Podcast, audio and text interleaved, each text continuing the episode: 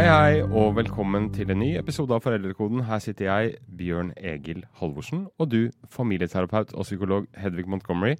Vi skal snakke om vennskap i dag. Det skal være en sånn slags vitenskapelig konsensus eh, om at det er mest vanlig er å ha tre til fem nære venner. Utenfor det igjen er en krets av 20 som er løsere bekjentskaper, og så er det nye og nye ringer. Men jeg er litt usikker på om jeg har så mange som det. Hedvig, hvor mange venner har du? Ja, Det er et godt spørsmål. Jeg hører nok ikke til de mest uh, tallrike på den innerste kretsen. Der ligger jeg nok mellom de klassiske to til fem. For øvrig to er nok. Du syns det holder? Ja, jeg syns det. Uh, og når det gjelder den ytre kretsen, så er den stor. og jeg setter pris på den. Men det er klart forskjellen på den ytre og den indre kretsen, det er hvem går du til når livet virkelig blir vanskelig. Veldig mange er iallfall opptatt av vennskap. Mange av lytterne våre har vi funnet ut. Og um, det er kanskje ikke så rart, for det motsatte, utenforskap, er liksom litt sånn vår tids store frykt. Det finnes jo handlingsplaner mot utenforskap. Og hvorfor er vennskap blitt så viktig for oss? Ja, det er jo et stort spørsmål. Jeg, jeg, jeg tenker at det henger sammen med to ting. Uh, det ene er at familien er blitt mindre viktig som enhet. Eh, og man tenker mindre på sin nære familie når man tenker på venner, selv om det nok er våre nærmeste for mange av oss fortsatt.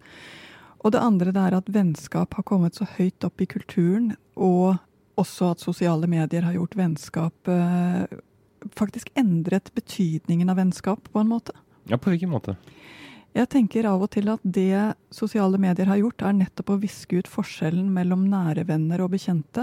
Eh, ved at alt, eh, og for ikke å snakke om folk du knapt har truffet, eh, til å slå sammen til én størrelse, og den størrelsen har man attpåtil et tall på.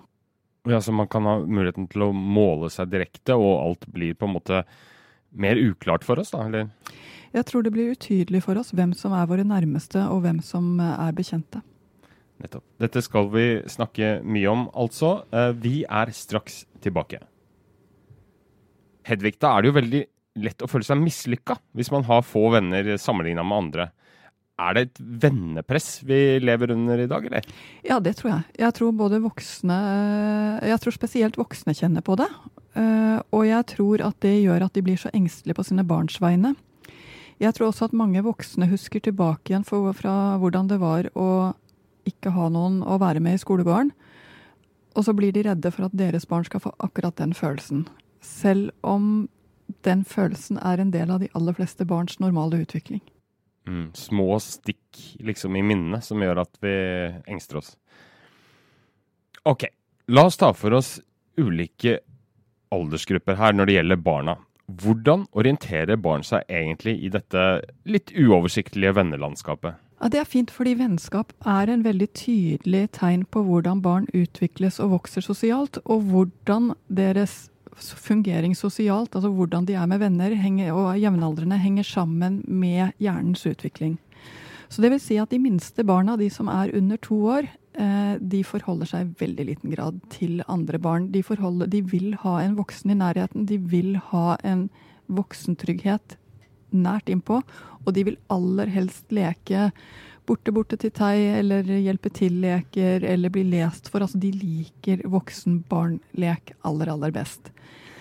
Så kan de sitte ved siden av andre barn og leke, det vi kaller for parallellek. Dvs. Si at de sitter så pent og leker ved siden av hverandre, men de leker ikke med hverandre. Og når de tar ting fra hverandre fordi den andre har noe som uh, førstemann vil ha, så er det rett og slett fordi de er i sin egen verden, er i sin egen lille boble. Så de minste barna er helt prisgitt voksenkontakt.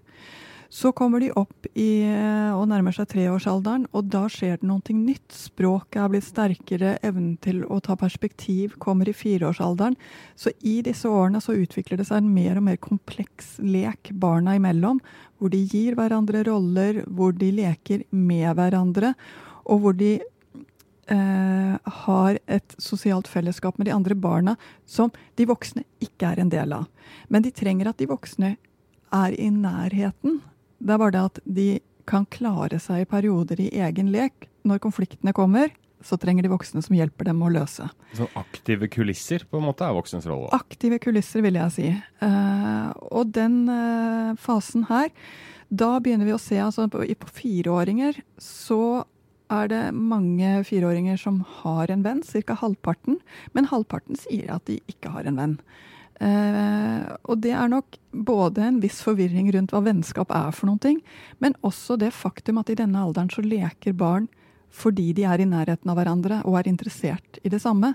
Så voksne styrer ganske mye hvem som leker med hvem i denne alderen. Ut ifra hvem foreldrene liker, har de venner med barn i omtrent samme alder, så er det ganske sannsynlig at de vil leke sammen når de kommer i nærheten av hverandre. Eh, det er helt annerledes enn eldre barn. Eh, tiåringer kan ikke bare settes ved siden av hverandre og at du regner med lek. Da fungerer det ikke sånn lenger. Men når, hvor tidlig begynner liksom barn å få en bevissthet rundt hva venner er for noe, hva vennskap er, og, hvor, og hvorvidt det er viktig? Altså jeg tenker jo at Barn i barnehagealder har en slags funksjonsvennskap. De leker med venner, de leker med andre barn fordi de er i nærheten av hverandre og har noen ting å gjøre sammen. Eh, denne, så kommer vi opp i skolealder, vet du, og i skolealder så skjer det noen ting. De første årene i, skole, eh, i skolen, første, andre, tredje klasse, så øver barna seg på eh, regler. De øver seg på å spille leke i organiserte leker. De bruker mye tid også på å krangle om, om reglene. Sånn at det å bli en del av et større samfunn er deres utviklingstrinn her. Når de så kommer opp i fjerde-femte klasse, så skjer det et markant hopp i vennskapsutviklingen. Ok, hva skjer? Da begynner de å velge seg venner ut ifra hvem de liker. Og vi begynner å få vennskap av den typen som kanskje er det vi voksne tenker på som vennskap. Eh, på, på, et, på, et, nytt plan. Og det fører jo til at det blir regrupperinger, det fører til at de må øve seg på hvordan de snakker sammen for å komme nær hverandre. Og her bruker de alle tilgjengelige virkemidler uten helt å forstå hvor kraftfulle de er. Så dette er toppårene i 10-11-årsalderen uh, for uh, grupperinger, for baksnakking, for uh, også gleden og nesten forelskelsen som ligger i det å, å finne en venn. og det er ikke til å komme forbi at her ligger jentene langt foran guttene. Uh, jentene i denne alderen øver seg virkelig på tosomhet, mens guttene fortsatt leser Donald. Så, så, her skjer det veldig mye i, i vennskapsutviklingen. Uh, I og for seg også hos guttene. Jeg syns jeg var litt urettferdig hos guttene nå. Men vi, vi ser at jentene er litt mer tydelige i sin søken, og også litt tydeligere på avvisningen av hverandre. Eh, for guttene er det å finne sin rangordning mye viktigere i denne alderen her. Hvem er kul, og hvem er det ikke? Da, men foreldrenes rolle da Vi var litt innom dette her i den episoden vi hadde om uh, preteens. Mm. Men da må man være litt mer enn en aktiv kulisse. I denne alderen så er du nok fortsatt uh, en uh, veiledende kulisse, hvis jeg skulle kalle det det. Vil si at du må ha et blikk for at dette skjer. Eh, du må skjønne at det ikke skjer fordi barna er onde eller er dårlig oppdratt, men det rett og slett skjer for det er en del av deres sosiale utvikling. Og så må du rett og slett hjelpe dem til ikke å gjøre hverandre så vondt, til å rydde opp når ting er blitt vanskelig, til å overse ting de kanskje ikke trenger å ta så personlig. Eh, rett og slett hjelpe dem til å manøvrere i dette litt uh, uklare landskapet for dem. Og det betyr sånne ting. At sitter det to barn hjemme rundt middagsbordet hvor den ene er på besøk, og de to sitter og har det kjempehyggelig sammen, og snakker stygt om en tredjeperson, så er ikke din jobb å si 'sånn må du ikke snakke, det er stygt', men å gi heller et litt sånn lite dult og si 'du, skjønner at dere har det superfint akkurat nå, men tror ikke at uh, Espen hadde likt å høre det dere sa akkurat nå. og Ting kommer så lett feil. Uh, tenk litt over det. Altså Gi dem sånne små forstående dytt i at man kan også gjøre vondt. Ja, men her er det vel også at man for alvor begynner med klikkdannelser og sånn, går ut ifra. Og da vil det alltid være noen som faller utenfor, og det er jo en stor uh, kime til bekymring. Hvorvidt man havner innafor eller utafor, hvor retningsgivende er det for, uh, for videre i, i, eh, barndommen og ungdomsåret? Altså, den gode nyheten her er at om du finner deg nære venner i barnehagen eller på barneskolen eller på ungdomsskolen, videregående eller når du begynner på høyskole eller universitet, eller for den delen kommer ut i jobb, spiller egentlig ingen rolle for hvor lykkelig du blir senere i livet. Så det er Det er ikke sånn at nå avgjøres alt. Men hvordan har du det med å kjenne at dette er en vanskelig periode i livet ditt? Hvordan har du det med å være den som ikke blir lekt med? Er det noen som allikevel liker deg og forstår deg? Hvor er de menneskene? Eh, jeg ser alltid på barns liv i et litt større perspektiv enn bare venn, ikke venn. Vi skal snakke litt om hva foreldrene kan gjøre og ikke gjøre rundt dette litt etterpå. Men hvis vi skal gjøre oss ferdig med disse aldersgruppene, hva er liksom neste store fase etter denne litt turbulente, intrigedominerte ja, 10-12-åringsfasen? Mellomfasen. Da kommer vi jo på ungdomsskolen, og ungdomsskolen er en ny start. Det er uh, muligheten for nye venner, det er å stokke korten litt på nytt. Ofte veldig nyttig for dem som har følt at de falt litt utenfor på mellomtrinnet. Uh, og her begynner de også med en ny sosial ferdighet som de øver seg på, nemlig å finne vennskap gjennom at vi deler noen ting og har en nærhet som ingen andre har. Det vil si at vi begynner å dele hemmeligheter. Jeg er mørkeredd jeg også. Nærheten bare kommer inn under huden på, på tenåringer når de sitter slik. Eh, som er veldig veldig fint, for nå begynner jeg å si, se at vi får en litt mer moden nærhet. Eh, som ikke handler om å holde andre ute, men å holde deg nær. Problemet med dette, som man skal være oppmerksom på som tenåringsforelder, er at da kommer jo også muligheten for å bli forrådt. Eh, at den hemmeligheten som jeg delte med deg, tar du og sier videre til noen annen. Og det er det ganske mange tenåringer som opplever, og som tar veldig, veldig tungt. Så her er det også viktig å ha et lite blikk på eh, hva skjer i livet deres. Og sosiale medier kommer jo ut som en kjempespreder Eh, av hemmeligheter her som virkelig kan gjøre at de får det vanskelig. Så det å ha et blikk og en forståelse for hva de driver med sosialt, og se hvordan både sosiale medier og eh, skolegården fungerer, gjør det lettere for deg som forelder. Men det er ikke alltid like lett å hva skal man si, eh, gi seg selv innpass i den litt semilukkede, i hvert fall, verden som sosiale medier er, da. Nei, det kan du si. Men man har en fordel her, og det er at ungdom lyver veldig dårlig. ja. Så når de har det vanskelig Det er som regel ikke spesielt vanskelig å se hva som skjer, og det er mulig å tenke selv. Og når du tenker selv, altså ungdommer merker at du faktisk skjønner noen ting. At du ikke bare står der som en eh, blank overflate eller en fra en helt annen tid, men faktisk prøver Eh, og de setter pris på prøver. Så eh, jeg skjønner hva du mener. Jeg tror allikevel at gjør deg selv litt smartere.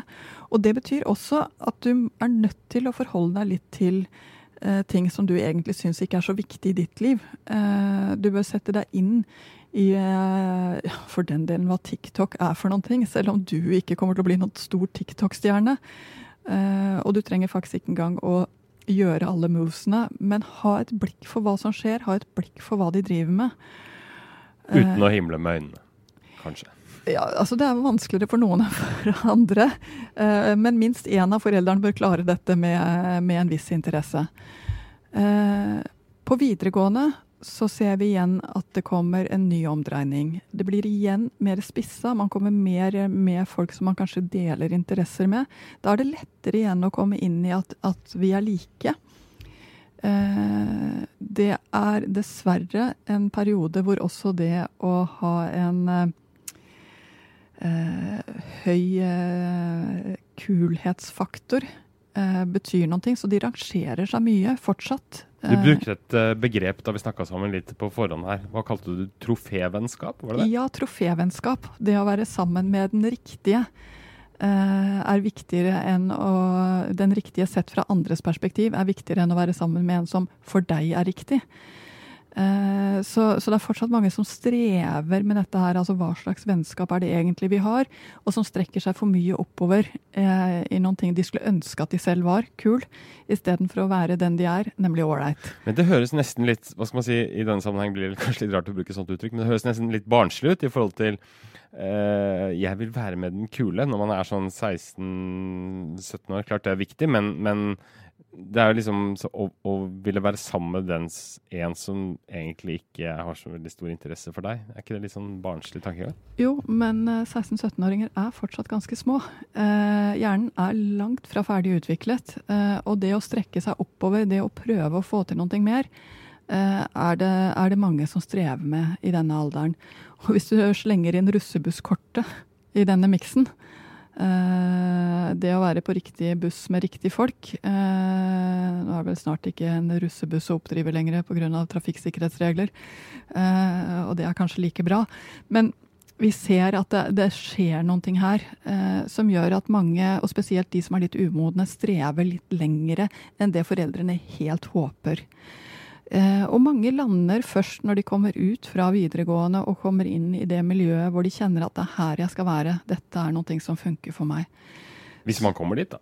Ja, eh, og det er jo dit vi skal. Og det interessante er at for å komme dit, så er det hele veien én ting som er viktig. Og det er foreldre som bryr seg, forstår, prøver å forstå, eh, og som prøver å være til hjelp hele veien opp. Eh, det å huske på at her er det en, en, sosial utvikling som tar så lang tid som dette. Den kan gå feil på hvert eneste punkt her. Eh, det gjør at vi som foreldre skal ha et stort hjerte og en god kontakt med barna våre hele veien opp. De fleste er enige om at det er eh, vanskelig, for ikke å si umulig, å kjøpe seg venner, selv om noen prøver.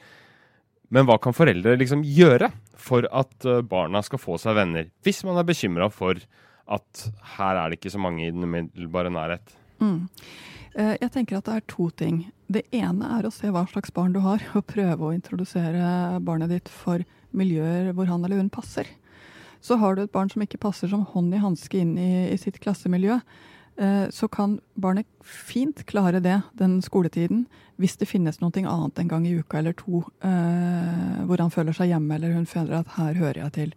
Så let etter ditt barns ankerfester der ute, eh, hvor hun kan trives og, og, føle seg møtt av sånne som henne. Eh, det andre det er gjør hjemmet ditt i den grad det er mulig, og i den grad du orker. Men det at det er det kaoset det er at andre kommer på besøk, eh, og at andre barn jo da oppfører seg sånn som de gjør. Eh, sørg for at, eh, at, du Hvis du klarer å ikke være helt utslitt når du kommer fra jobb, sånn at du klarer å være det stedet som det er ålreit for andre barn å komme til, så er det en hjelp for ungene. De trenger et sted å være, rett og slett. Eh, og det er litt lett å glemme den der helt sånn nedpå-tingen. De trenger den kjellerstuen, eller de trenger eh, å sitte rundt kjøkkenbordet og dingle. Eh, de trenger et, en TV å sitte og spille spill rundt, for det er jo veldig mye det de gjør. Og det, vi må jo ikke glemme det at, at spillverden og sosiale medier har jo også flyttet vennskap et hakk et hakk til et nytt nivå. Hvor de treffer hverandre også når de ikke sitter med hverandre. Og det kan lure en litt, for de trenger fortsatt å sitte sammen. De trenger fortsatt å være hode mot hode. Så man skal ikke underkjenne hva skal man si, digitale vennskap, men de må suppleres da helst med litt sånn uh, fysisk nærhet også. Ja, og det betyr faktisk at jeg treffer mange foreldre som sier nei, det er ikke noe vits at han har med seg venner hjem, for da sitter de bare og spiller. Uh, men det å sitte og spille sammen er vennskap, eh, og er det som gir dem drivstoff til å leke på skolen neste dag. Så, så, frykten for det digitale kan gjøre at barna blir ensomme. Men så er det sånn at det finnes noen som ikke har så mange arenaer hvor de kan uh, utvikle nye vennskap. Og jeg tok en prat med en, med en mamma som uh, har en sønn hvor dette er litt tilfellet. Jeg er da mamma til en gutt på ni år på skolen. Uh, og han er vel en av de barna som kanskje ikke går i den idrettskategorien. I alle friminutt så spiller, eh, løper gutta til fotballbanen og spiller fotball. Og så har de da fotballtreninger rett etter skoletid, ikke SFO. Hvor de går da rett på fotball to til tre ganger i uken. Og gjør sosiale ting etter det, og helger. Og spiller da fotballspill vi prøver å invitere mye hjem, men da er det ofte nei, det er treninger og det er eh, mye andre ting. Eh, og så får man jo alltid råd om at du burde melde ham på det, og du burde prøve det. Og kanskje han vil like den sporten, kanskje han liker den aktiviteten. Og at det er veldig sånn press på å være med på aktiviteter, da. Men du kan jo ikke gjøre det når barnet ditt ikke vil. Hvordan kan vi eh, hjelpe gutten vår til å bli eh, akseptert og bli med i eh, guttegjengen i klassen, selv om han ikke er med på akkurat den aktiviteten?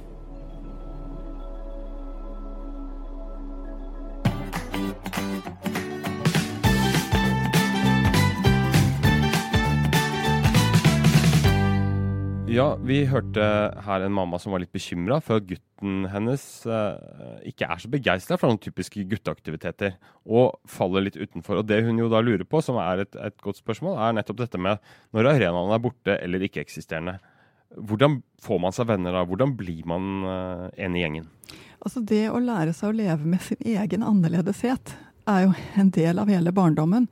Uh, og barn kommer i all slags former og fasonger, med all slags personlighet, all slags interesser. Uh, og også, må jeg vel legge til, all slags særheter. Uh, det å lære seg å leve med seg selv som en som ikke er opptatt av det samme som alle de andre, en som søker etter noe annet. og jeg tror det viktigste å gjøre da, er faktisk å være interessert i hva er det du søker deg mot, hvor er det du er på vei, hva er det du ser på YouTube, sånne ting. Eh, for hvis du er med barnet og viser at vet du hva, det går an å leve lykkelig som dette, så hjelper du veldig mye. Eh, og det finnes også, selv å dra på hvis det eneste de driver med, er en eller annen sær eh, japansk kampsportsfascinasjon. Eh, det finnes arenaer for det også. Det er litt fascinerende i våre dager at nettopp med disse mulighetene som, eh, som, nettet gir oss, så er det også nye muligheter for barn å se at de ikke er alene med seg selv sånn som de er. Og så er vel eh, De fleste har vel hørt historier, og det har vel Hollywood også fortalt oss, og andre filmskapere for den del det er jo ofte slik at de som er litt outsidere, er litt, kanskje føler seg litt ensomme, kommer voldsomt tilbake senere i livet. Ja, det er håp for sånne som deg og meg, Bjørn ja. eh, altså det, er, det, er, klart at late bloomers eh, og, og, den stygge andunge som eh, viser seg å ha superkrefter under panseret, det er, en grunn til at det er slik. Men i perioder så er faktisk vår jobb som foreldre å gjøre livet mindre vanskelig for barna. I perioder så er vår jobb som foreldre å være den som både tåler barnet og er interessert i barnet. Og der kommer det interessante, fordi når vennskap stresser oss, når vi så gjerne vil at barnet skal ha venner, så kan vi begynne med sånne ting. Skal du ikke invitere med noen hjem i dag? Du vet at det hjelper å smile til alle. Eh, det er veldig, veldig lurt eh, å prøve å være mer sammen med Kari eller uh, Jens eller uh, Mohammed eller Knut. For du vet at uh, det, er, de, er, slik en hyggelig, et hyggelig barn. Altså Vi driver med den type ting. Som er godt ment, men det det fører til, det er at barnet føler seg enda mer mislykket. Det er at barnet føler at de skuffer også deg som forelder. Så hva skal man heller si, da? Jeg tror at man skal være ganske forsiktig med å si så veldig mye. Eh, jeg tror at du kan si ting som at hvis du har lyst til å invitere noen hjem, så gjør du det. Eh, legge det lavere ned, rett og slett. Eh, si at bare ring meg hvis det skjer noen ting etter skolen i dag som du har lyst til å være med på, er en mye bedre beskjed at du vet at du må prøve å være med på noen ting. Du må jo prøve å delta, du også. Så hør litt på din egen stemme. Hør at i din egen stemme så skal det ligge en forståelse av ditt barn i første rekke. For det viktigste barna trenger, er nettopp den forståelsen fra deg som forelder. Den klarer de seg ikke uten. Men så vidt jeg har forstått på deg, så kan man ikke skaffe barna venner? Nei, eh, jeg tror at eh, det er mye vi kan gjøre for å legge til rette for at barna leker sammen i barnehagealder for at de finner sine interesser i barneskolealder. Eh, for at de forstår at det å finne eh, venner er en ganske krevende prosess på mellomtrinnet. Og for at de får hjelp og trøst når de trenger det å gå på trynet i ungdomsskolealder og, og gymnasalder. Det er det vi kan gjøre. Eh, men viktigst er at barna føler at vi er på deres side og ser dem sånn som de er gjennom alle disse årene. Enkelte barn er mer sosiale, utadvendte, utadrettede enn andre. Altså, det er vel noen som kan trives fint selv med null eller få venner? Altså jeg må si at De aller fleste som får flere barn, får jo ofte minst én av hver. Eh, og sånn er det hjemme hos oss også. Jeg har en som eh, elsker å komme i nye sammenhenger, for da er det muligheten for å treffe nye. Og jeg har en som helst ikke vil i nye sammenhenger, fordi da kjenner han jo ingen. Eh, og ja, sånn, sånn, har de tutlet og hengt på i mange år nå, eh, og funnet sin måte å være lykkelige på begge to. Men det må også sies at null venner er krevende. Da blir du som forelder veldig, veldig viktig. Eh, og mest sannsynlig så kommer det et tidspunkt hvor han eller hun treffer noen som treffer dem i hjertet, og så blir det et vennskap ut av det. Det er bare at vi vet aldri helt når det tidspunktet er. Og frem til da så er virkelig familie det viktigste barna har. Vi skal ha dagens spørsmål.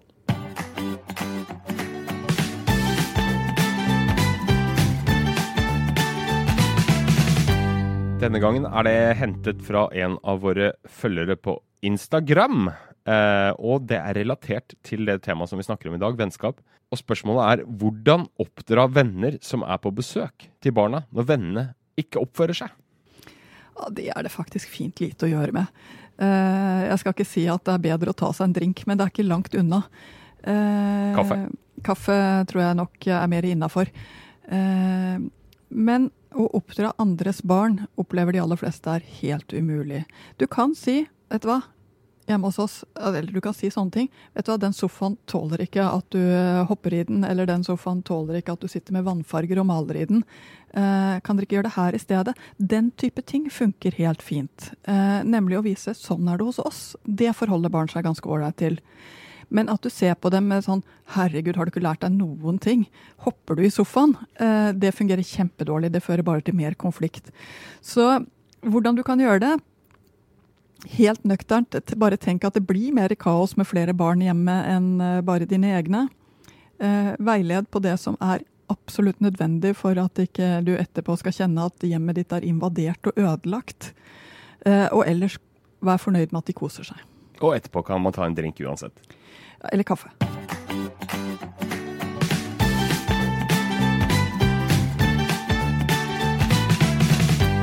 Hvis vi skal oppsummere dagens episode om vennskap, og du skal trekke fram tre liksom, gode tips, hva vil det være, Hedvig?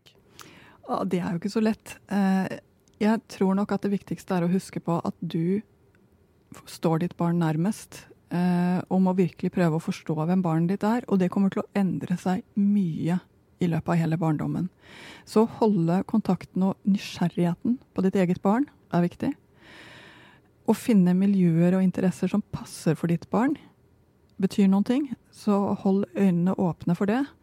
Og å trøste når vennskap går gærent, for det gjør det innimellom sånn at du faktisk skjønner hvor vanskelig dette sosiale er, og at det tar noen og tyve år å lære seg det sosiale spillet, det er det viktigste du gjør. Eh, hvis du skal trekke fram én ting som man absolutt bør unngå, hva er det? Den største tabben er at barna føler seg dårlig selv fordi de ikke har venner. At barnet selv føler at de ikke er bra nok for deg fordi de ikke har venner. De skal ha venner for sin egen del, eh, ikke for din del. Eh, og de skal få lov til å føle seg bra med seg selv, selv i perioder hvor de strever med det. Supert. Det var en fin oppsummering. Det var det vi hadde for denne gang. Vi er tilbake neste mandag. Og husk det, da. Hver mandag er vi tilbake. Ha en fin uke. Ha det, ha det og ha det.